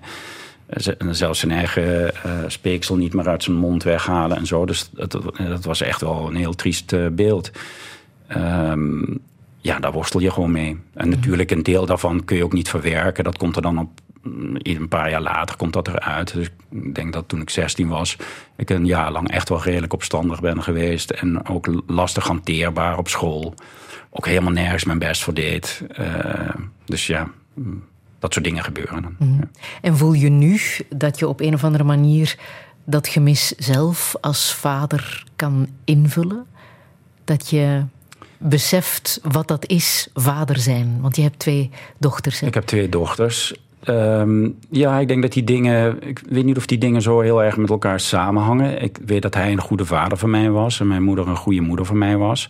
Mijn moeder heeft ook laten zien wat het eh, betekent om gecommitteerd aan iemand te zijn. Uh, en heeft daar echt ook heel veel voor moeten doen en laten. Dus dat soort voorbeelden neem je wel mee. Uh, ik probeer natuurlijk zelf ook een zo goed mogelijke vader uh, te zijn voor mijn eigen kinderen. En hoe maar doe je dat? Wat is dat, een goede nou ja, vader ik zijn? Daar, ik heb daar ook echt wel steken laten vallen, uh, hoe heet het. Maar feitelijk ook bewust. Hè. Het is niet iets wat onbewust is gebeurd. ik heb de laatste 15 jaar echt gewoon belachelijk hard gewerkt. Om met deze materie waar we het vandaag over hebben bezig te zijn. En om te zorgen dat het tot een goede uitkomst zou leiden. Uh, maar gelukkig Saskia, mijn echtgenote, heeft, heeft eigenlijk alles opgevangen. Uh, hoe heet het, wat ik heb laten liggen. Dus is er altijd geweest voor de kinderen. En ik was toch een beetje degene die op zondag, toen nog het vlees, zou je kunnen zeggen, -huh. later helemaal niet meer, aansneed. En die door de week ook gewoon eigenlijk overdag en tot, tot een uur of acht s s'avonds meestal niet thuis was. Uh, dus ik heb daar wel wat gemist, maar we hebben daar ook vaak genoeg met elkaar over gesproken. Van, is het dat waard en ga je hier geen spijt van krijgen? Uh, ik heb toen altijd gezegd, ja, het is heel belangrijk dat we vechten voor een toekomst. En ik denk dat dat mijn bijdrage is. En vanaf het moment dat de, de oudste 15 was, toen is er ook meer ruim. En toen we net die agendazaken gewonnen hadden, mm -hmm. dat, uh, zij was toen 15. Ja, toen ben ik eigenlijk, toen dacht ik opeens, ja, over een paar jaar zijn ze het huis uit. Ik moet nu echt zorgen dat ik uh, uh, mijn rol ook als vader gewoon beter op me neem. Dus vanaf dat moment ben ik ook wel veel meer tijd met ze gaan spenderen. Mm -hmm. En we hebben het daar onderling ook wel eens over. Zij hebben, dat, zij hebben dat eigenlijk helemaal niet gemist. Dat is in ieder geval wat ik ervan terugkrijg. Zij Want je bent er natuurlijk wel fysiek. Je bent er ja. wel. En natuurlijk hoe heet het, doe je ook wel leuke dingen met elkaar. Maar ik ben ook wel vaak, ook als ik er wel was, toch vaak afwezig in mijn hoofd. Omdat ik gewoon toch ook thuis zittend en als we dan dingen aan het doen waren, toch gewoon met mijn hoofd bezig met dat probleem op te lossen. Mis jij nu nog een vaderfiguur? Nou ja, hoe heet het? Ik ben inmiddels uh, bijna twintig jaar ouder dan mijn vader ooit geworden is. Um, het heeft van mij een plek gekregen. Um, nu, ik denk vanaf mijn 35ste of zo, dat het, uh, dus dat duurt toch wel vrij lang. Dat het vanaf dat moment echt een plek heeft gekregen. En ik de rust ook gevonden heb om, uh, om daarmee om te gaan. Alhoewel het me ook nog wel emotioneert. Hè. Dus op het moment dat ik dat nummer hoor, emotioneert me dat toch. Um, maar uh, ja, ik ben daar niet heel bewust mee bezig. Ik ben mezelf niet aan het vergelijken met mijn vader in, uh, in mijn eigen vaderschap of zo. Ik ben gewoon met mijn eigen gezinnen, met mijn eigen kinderen bezig op de manier waarop wij denken dat het goed is. En ja, ongetwijfeld, en dat is zeker zo uh, zelfs, hebben natuurlijk heel veel voorbeelden van onze, van, van onze eigen ouders en onze familie en vrienden en zo meegekregen. En dat pas je, pas je natuurlijk toe. Heb jij schrik voor de dood? Of dat jou nee. iets kan overkomen? Nee, zelf helemaal niet. Hm. Nee. Um, ik weet niet of, of je datzelfde nog roept als je uh, het geluk hebt om 80 te worden. Dan weet je dat je jaren een beetje geteld zijn. Maar ik schat in dat uh, ik ben daar nu heel uh, berustend over. en natuurlijk stel je die vraag ook zelf wel eens. Als, als, je iets zou overkomen en zo. Maar ik, heb, ik vind dat ik een goed leven heb geleid. Ik vind al heel wat dat ik mijn kinderen volwassen heb mogen zien worden. Dat was wel iets waar ik soort van om gevraagd heb toen ik mijn eerste kind kreeg. Ik dacht van, als ik ze op zijn minst maar volwassen kan zien worden, dat zou ik belangrijk vinden. Maar dat gaat goed met hun. En hoe heet het? Ik heb ook geen onvervulde wensen of zo die nog per se uitgeleefd moeten worden. Dus als morgen mijn dag gekomen is, heb ik daar gewoon echt vrede mee. That, being said, hoop ik natuurlijk nog wel een paar decennia mee te gaan.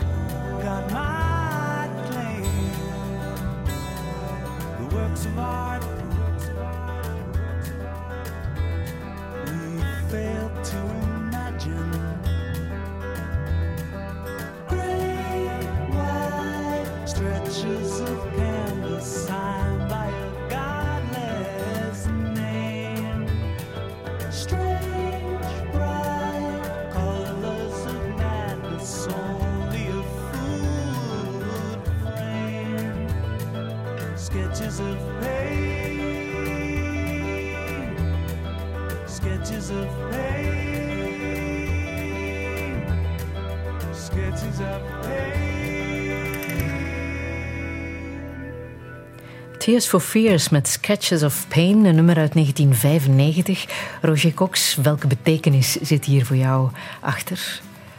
Eh, Tears for Fears is, eh, is wel mijn favoriete band, moet ik zeggen. Ja. Met name eh, de zanger Roland Orzabal is, is een stem, een mannelijke stem die ik misschien wel de mooiste stem vind, zangstem die ik ken.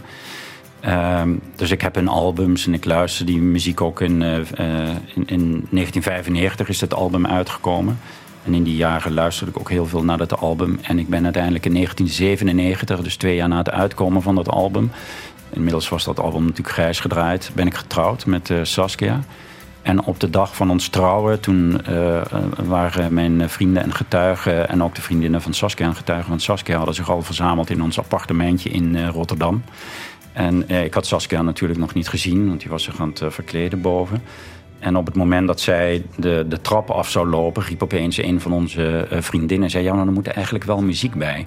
Dus in alle haast moest ik toen een nummer bedenken... wat, eh, wat in ieder geval eh, qua melodie en rust een beetje passend was. En, nou, ja, de e- eerste wat ik zag was deze cd. Dus dan dacht ik, welk nummer op deze cd past eigenlijk een beetje bij dit moment. En dat eh, was, toen nou, uiteindelijk heb ik dit nummer in alle snelheid opgezet. Maar paste het echt wel bij Nou, qua tekst niet per se, want Sketches, of Pain gaat over... eh, Tenminste, denk ik dat het daarover gaat. Over dat veel kunst, eh, hoe heet het, uit pijn voortkomt. Dus die tekst was niet helemaal eh, passend. Maar de muziek zelf vind ik heel erg mooi. Dus Maar misschien als je het nu bekijkt, hè, als je een leven al achter de rug hebt, dan is pijn altijd wel aanwezig natuurlijk. Hè. En dat deel je in een huwelijk. Ja, zeker. Ongetwijfeld. Alhoewel ik moet zeggen dat ik een heel gelukkig huwelijk heb. Dus er weinig pijn voor me gelukkig zijn voorgekomen. Ehm, dus, maar op zo'n moment ben je in alle haast. Je bent, het is zo'n moment. Het is een van de grootste momenten uit je leven. En als dan iemand je aan alle haast vraagt om nog even snel een nummer op te zetten... dan, Ja. weet je, dan ben je daar helemaal niet mee bezig. En denken, wat is een mooie, mooie melodie. En dat is dit. Want je hebt het wat vervroegd betekent- nu eh, Ja. ehm, eh, afgeschaald. Eh, maar er komt nog een heel instrumenteel eh, stuk aan het eind van het nummer. Ja, waar ze mooi de trap kon op afdalen. Ja, ja, en het was een lange trap, want wij woonden in een soort raar complex... waarin we dan de woonkamer op de eerste verdieping hadden. En we hadden twee, het was een klein appartement en twee slaapkamers. Maar die liepen dan over de tweede verdieping heen. Dus die begaven zich dan op de derde verdieping. Dus we hadden een kamer op de eerste en op de derde verdieping. Dus dat was een vrij lange trap. Ja. Dus waarschijnlijk dat daar ook het idee door ontstond. eh, van, van een van onze vriendinnen om, om eh, Saskia dan met muziek te begeleiden als ze in haar uh, trouwjurk eh, daar naar beneden zou. eh. En het huwelijk, wat, wat betekent dat voor jou? Alles. Hoe heet het? eh, eh, het gevoel van thuiskomen bij, eh, bij iemand en de rust en stabiliteit vinden als basis voor je verdere leven is voor mij ongelooflijk belangrijk. Ik kan niet uitdrukken hoe belangrijk dat voor mij is. Eh, zonder Saskia was, was alles wat ik gedaan heb ook totaal onmogelijk geweest. Niet alleen feitelijk gezien, omdat ik al die uren er niet aan had kunnen eh, spenderen, maar ook gewoon omdat het iemand is die mij gewoon echt rust geeft. En eh, ook, mij ook op mijn kwetsbare momenten, momenten waar ik aan mezelf twijfel of dat soort dingen, eh, me altijd daar goed doorheen weet te loodsen. Dus ja. De, een huwelijk wordt bezegeld bij wet, hè? Ja, wettelijk huwelijk. Ja. Je kan ook voor de kerk trouwen. Zijn jullie voor de kerk? In eerste instantie niet. Dus eh, toen wij in 1997 trouwden, hebben we dat niet gedaan. Eh, maar tien jaar later, in 2007, hebben we dat alsnog wel gedaan. En eh, in dat jaar, vanaf eind 2006, 2007, zijn we dus met, samen met die stichting en stichtingactiviteiten bezig gegaan. En dus een soort van onbaatzuchtig werk gaan doen voor het algemeen belang. En op een of andere manier ehm, hadden we ook het gevoel dat we daardoor eh, spiritueel meer verbonden werden met, ja, ik zal maar zeggen, mm, de hogere macht of zo. eh, hoe heet het, die, die feitelijk boven ons resoneert. Ehm, en toen hadden we toch behoefte A, om ons huwelijk nog een keer te, te bestendigen. Misschien moeten we dat nog een keer doen trouwens. Die gedachte leeft zo nu en dan wel eens. Eh, maar ook om toch uiteindelijk nog wel voor de kerk te trouwen. En dus toch ook uiting te geven aan onze, ehm, ja, ons, ons gevoel van spirituele verbondenheid. Ja. Wat had dat te maken met een soort kentering in, in geloof? Ja, ik weet niet of het zozeer. Kijk, ik denk dat ik altijd wel een spiritueel mens eh, geweest ben. En, eh, en Sas, eh, Saskia ook. Ehm, ik weet niet of ik per se zoveel met de kerk als such op heb, met de dogmatiek van de kerk, maar wel met het spirituele element eh, eh, eh, ervan. Eh, ik geloof dus daadwerkelijk ook dat er een hogere macht is dan, dan onszelf. En of je dat nou God of de natuur noemt. Ehm, maar kijk naar alles om ons heen en kijk naar het feit dat wij onszelf ook niet eh, produceren, maar dat er iets is dat ons maakt, in zekere zin, met al zijn volmaaktheid die daar ook bij hoort. Ehm, ja, dat vind ik eigenlijk best een plezierige gewaarwording, dat er iets is wat boven jezelf staat. Tenminste, zo voel ik dat wel. Ehm, en als je wat op een of andere manier, als je mediteert of als je rust opzoekt of als je eh, met onbaatzuchtige dingen eh, bezig bent, dan is het net alsof je meer connectie krijgt met ja, dat soort van, ik weet, niet- ik weet niet hoe ik het moet noemen, universeel, universele liefde of universele wijsheid, eh, dat soort dingen. Nou, dat, dat voelden we toen heel sterk. Dus die dingen kwamen opeens samen. We wilden ons huwelijk toch nog een keer weer eens opnieuw Mhm. bestendigen, omdat we zo blij waren met elkaar en nog steeds. Ehm, en dat viel toen een beetje samen in dat moment. En het was ook heel leuk om dat met je jonge kinderen, die daar dan ook bij zijn. Dus eh, de oudste was toen zeven, de jongste vijf. En dan met je hele familie dat nog eens een keer eh, eh, opnieuw te, te herleven. Maar is het dan moment. zo dat door de klimaatzaak, die eerste klimaatzaak in Nederland, dat je ook als mens echt zo diep bent veranderd? Ja, ik, ik denk het toch wel. Ik denk dat ik tot dat moment ook mezelf ook nooit ingebeeld heb dat ik zomaar eh rodeo voor een heel mijn, leven, zal ik maar zeggen, een wending zou geven voor een groot maatschappelijk belang.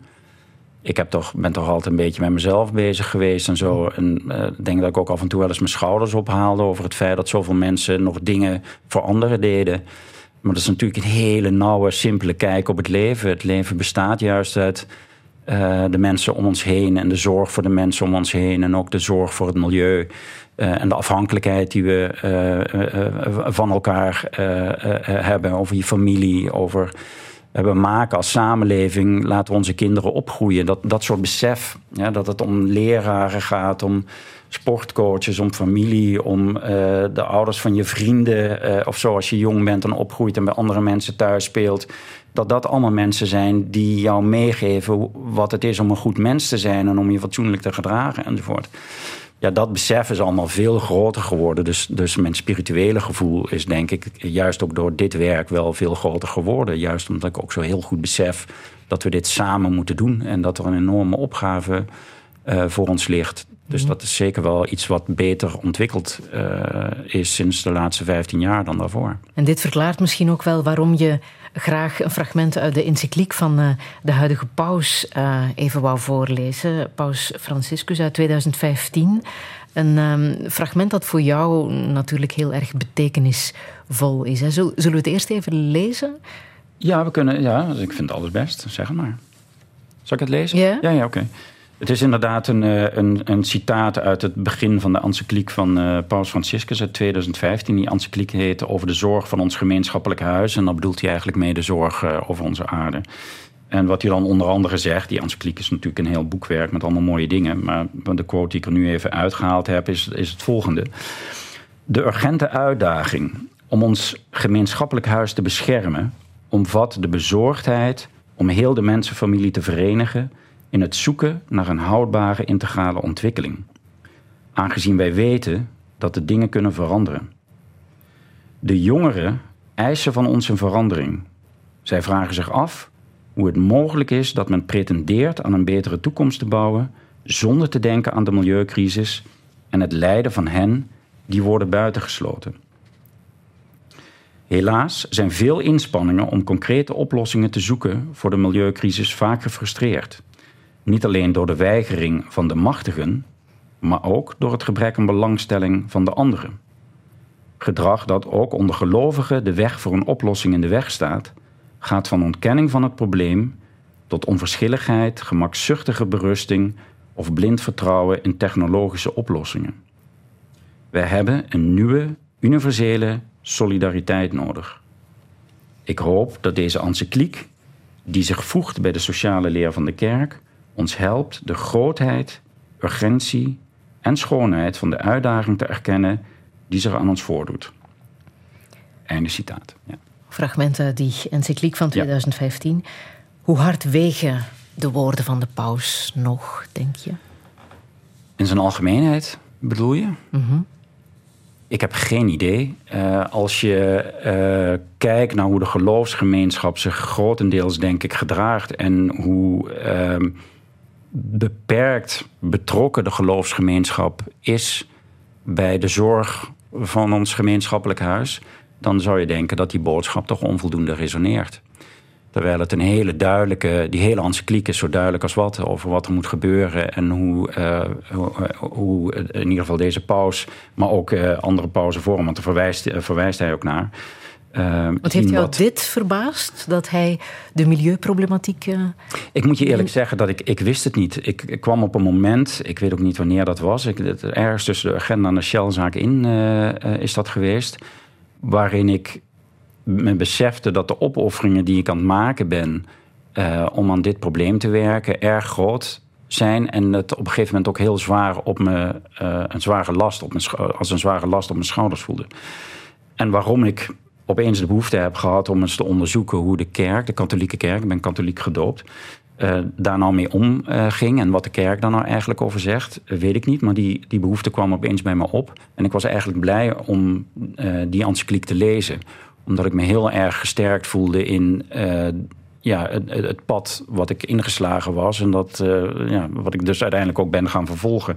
Eh, het is ook niet gezegd dat als ik niets had teruggevonden eh, in, in de sociale leer van de kerk, dat ik dan het bijltje had laten vallen.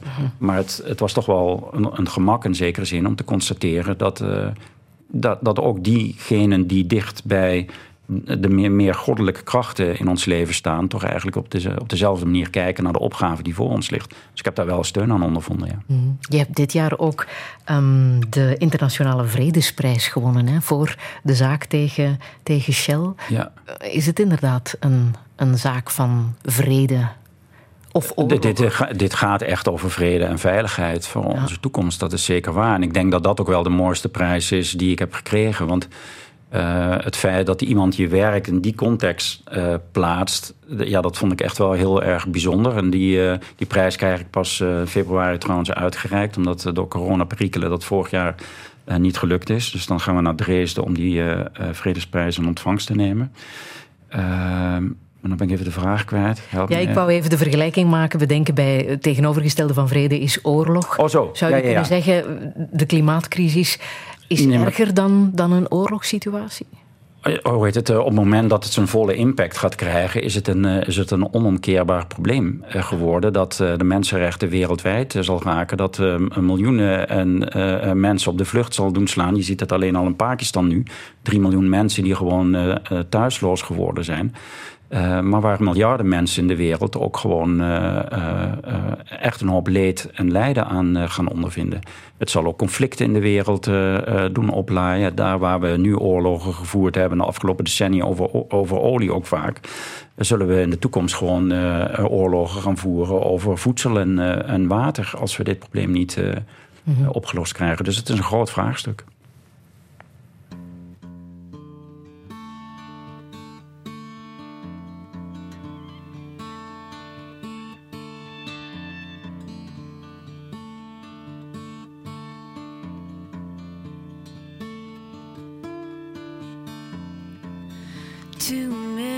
Ghosts reside behind this window.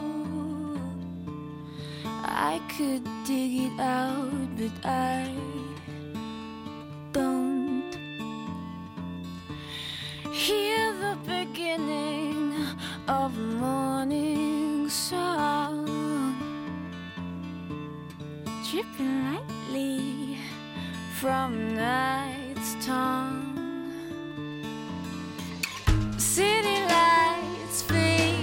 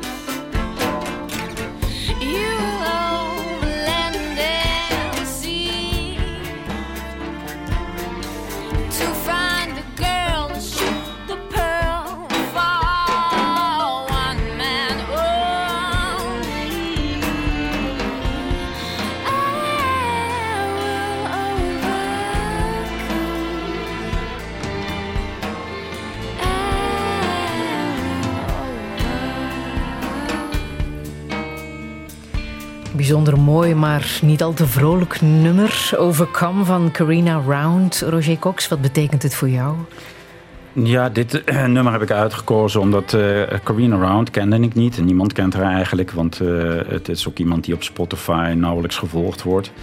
Ehm, maar ik heb haar voor het eerst zien optreden een paar jaar geleden... toen ik naar een concert van Tears of Fears ging. En ben daarna toch eens gaan kijken wie zij eigenlijk was... en welke muziek zij maakte. Eh, en sindsdien luister ik eigenlijk vol continu naar haar werk. En eh, het werk van de bands waar ze deel van eh, uitmaakt of heeft uitgemaakt. En dit, is, dit nummer komt van een album uit eh, 2004, haar tweede album. Toen was ze een jaar, in begin jaren 20. Eh, sorry, ja, rond de 20 denk ik. En dat is een album dat ja, gewoon gaat over de worstelingen van een jonge vrouw die worstelt met het leven, met de liefde, met verbroken relaties, met eh, gevoelens die je hebt als je eenzaam bent en alleen in een stad verkeert en zo. En ehm, Het is, een, het is een album dat je moet daar eigenlijk. Het is niet voor iedereen, denk ik. Maar je moet het eigenlijk gewoon in een donkere ruimte luisteren. En een beetje over je heen laten komen. Met alle rauwheid en ruigheid en zachtheid en zo die daar ook bij hoort. En uh, ja, het is een album wat, wat, uh, wat mij gewoon raakt. Wat ik uh, mooi vind om naar te luisteren. Met sommige films heb je dat ook. Mhm. Die, als je, gewoon, je hebt het gevoel dat je echt meegezogen wordt in het leven van iemand.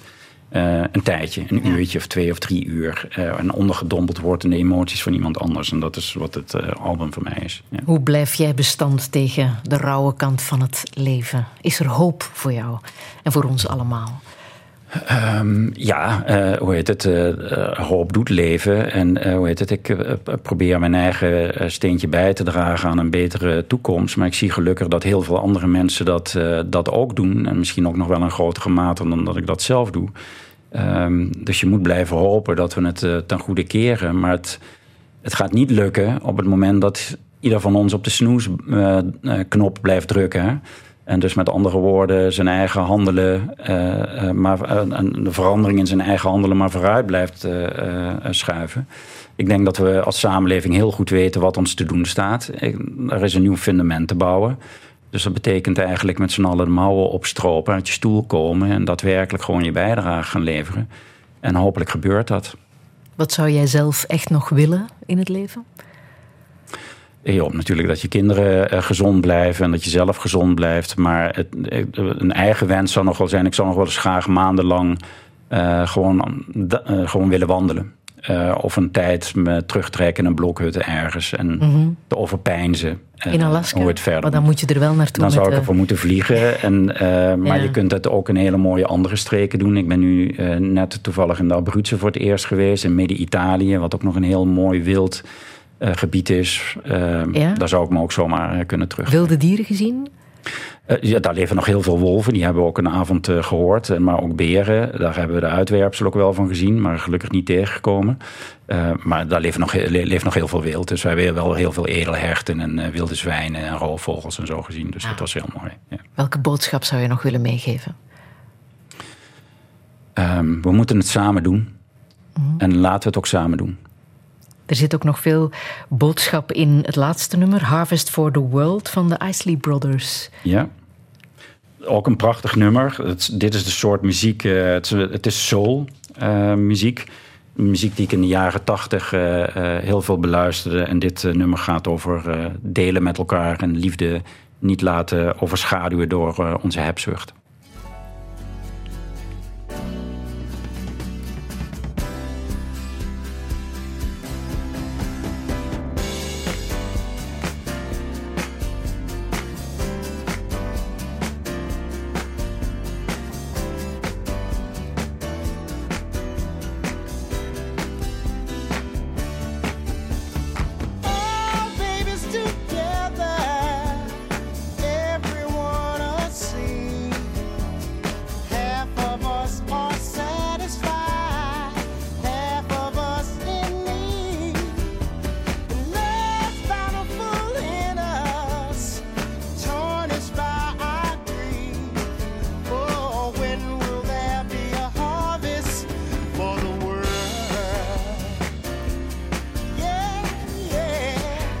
For the World van de Isley Brothers met dank aan Roger Cox. Alle info over dit gesprek is na te lezen op onze website. Zometeen verhuist Radio 1 opnieuw naar het Wintercircus in Gent voor de start van het WK voetbal in Qatar. Volgende zondag maakt Touché dan ook plaats voor Sportza. Wie nood heeft aan Touché vindt talloze afleveringen in de app van VRT Max. We zijn er terug over twee weken. Heel graag tot dan en fijne zondag nog. Heb je iets gemist? Je kan Touché herbeluisteren in de app van VRT Max.